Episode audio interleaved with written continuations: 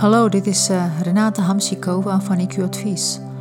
Vandaag heb ik een uh, speciale boodschap voor vrouwen en voornamelijk voor de moeders van hoogbegaafde kinderen.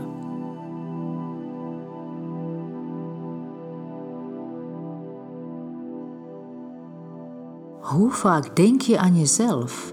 Hoe vaak sta je ochtends op en denk je aan je eigen behoeftes, aan rust, aan een kop koffie of thee, aan rustig de dag beginnen? En hoe vaak neem je de tijd voor jezelf, voor je eigen hobby's en gedachten? Vrouwen, of je nu moeder bent of niet, maken bijna nooit tijd voor zichzelf. Ze denken dat ze daardoor iemand anders tekort zouden doen. En ze denken dat ze er voor anderen moeten zijn, altijd. Dat ze moeten zorgen en klaarstaan voor verhalen en problemen van anderen. Moeders van hoogbegaafde kinderen dragen de leed van zichzelf en die van hun kind. En dat is heel zwaar. De leed van het niet passen, niet begrepen worden. De leed van het ontbreken van wederkerigheid.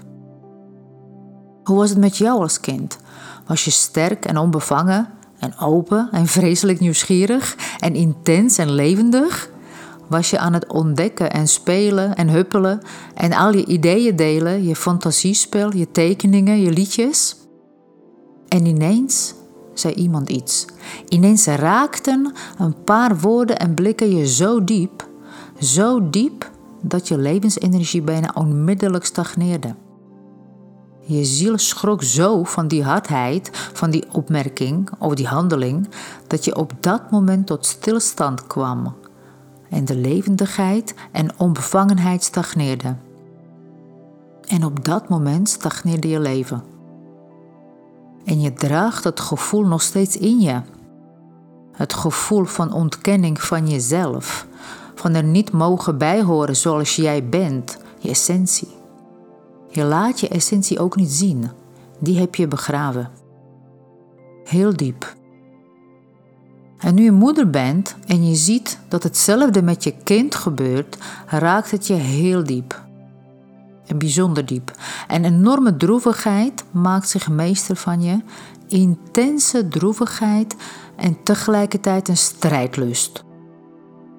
Een leeuwin wordt in je wakker, omdat je voor je kind wil vechten. Je wil kosten wat het kost voorkomen dat jouw kind hetzelfde overkomt als jou dat zijn levensenergie onzichtbaar wordt en dat je kind vanuit zijn levendigheid, naïviteit, openheid, betrokkenheid en empathie gerukt wordt en een levensloos, apathisch, zich afsluitend wezentje wordt.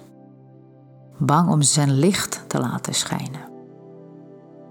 Uitzonderlijk begaafde kinderen zijn heel bijzondere kinderen, omdat ze voelen en zien omdat zij de pracht van de wereld en mensen voelen. En dat willen ze gebruiken voor het geheel. Ze zijn van nature extreem empathisch, liefdevol en intens. Zij willen creëren, bijdragen, groeien en betekenisvol leven.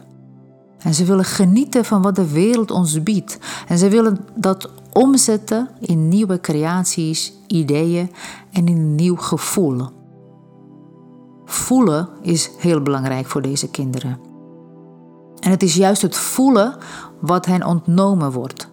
In de maatschappij, op scholen, moeten ze zich bewijzen. Ze moeten bewijzen wie ze zijn, terwijl het eigenlijk niemand interesseert wie ze werkelijk zijn. Niemand wil werkelijk de essentie van het kind voelen omdat ze het niet kunnen. En die mensen bij wie het kind moet bewijzen wie het is, zijn niet in staat het te begrijpen. Besef dat als moeder. Je kind hoeft zich niet te bewijzen. Je kind heeft het recht om te zijn wie het is. Hoe bereik je dat? Doordat jij wordt wie je bent. Door jezelf te heruitvinden, door herboren te worden. Ja, jij, de vrouw, daar praat ik nu tegen.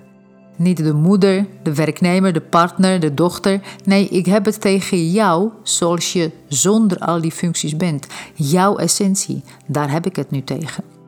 Jij moet voor jezelf gaan zorgen.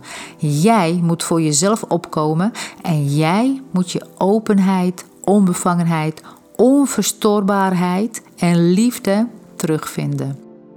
Dat ben je aan jezelf verplicht, want dat is jouw voornaamste taak. Weer jezelf worden, zodat je anderen, zoals jouw kinderen, kunt inspireren om ook te zijn wie ze zijn. In deze maatschappij moet je durven zijn wie je bent. Je moet durven je licht te laten schijnen en met verheven hoofd je eigen weg volgen. Je bent ertoe in staat om volledig onbaatzuchtig jezelf te zijn, terwijl je anderen helpt en leidt, terwijl je kinderen leidt naar deze persoonlijke vrijheid van zijn. Besef dat de enige weg om je kind te helpen is om eerst jezelf te helpen. Je kind is intens en voelt diep. En je kind voelt jouw verdriet dat je heel leven meedraagt. En je kind kan niet vrij worden zolang hij deze tegenstrijdigheid voelt. Je kunt niet zeggen: wees vrij, terwijl je zelf aan ketenen vastzit. Die ketenen van je eigen mind. Dus breek los en laat je kind zien hoe vrijheid voelt.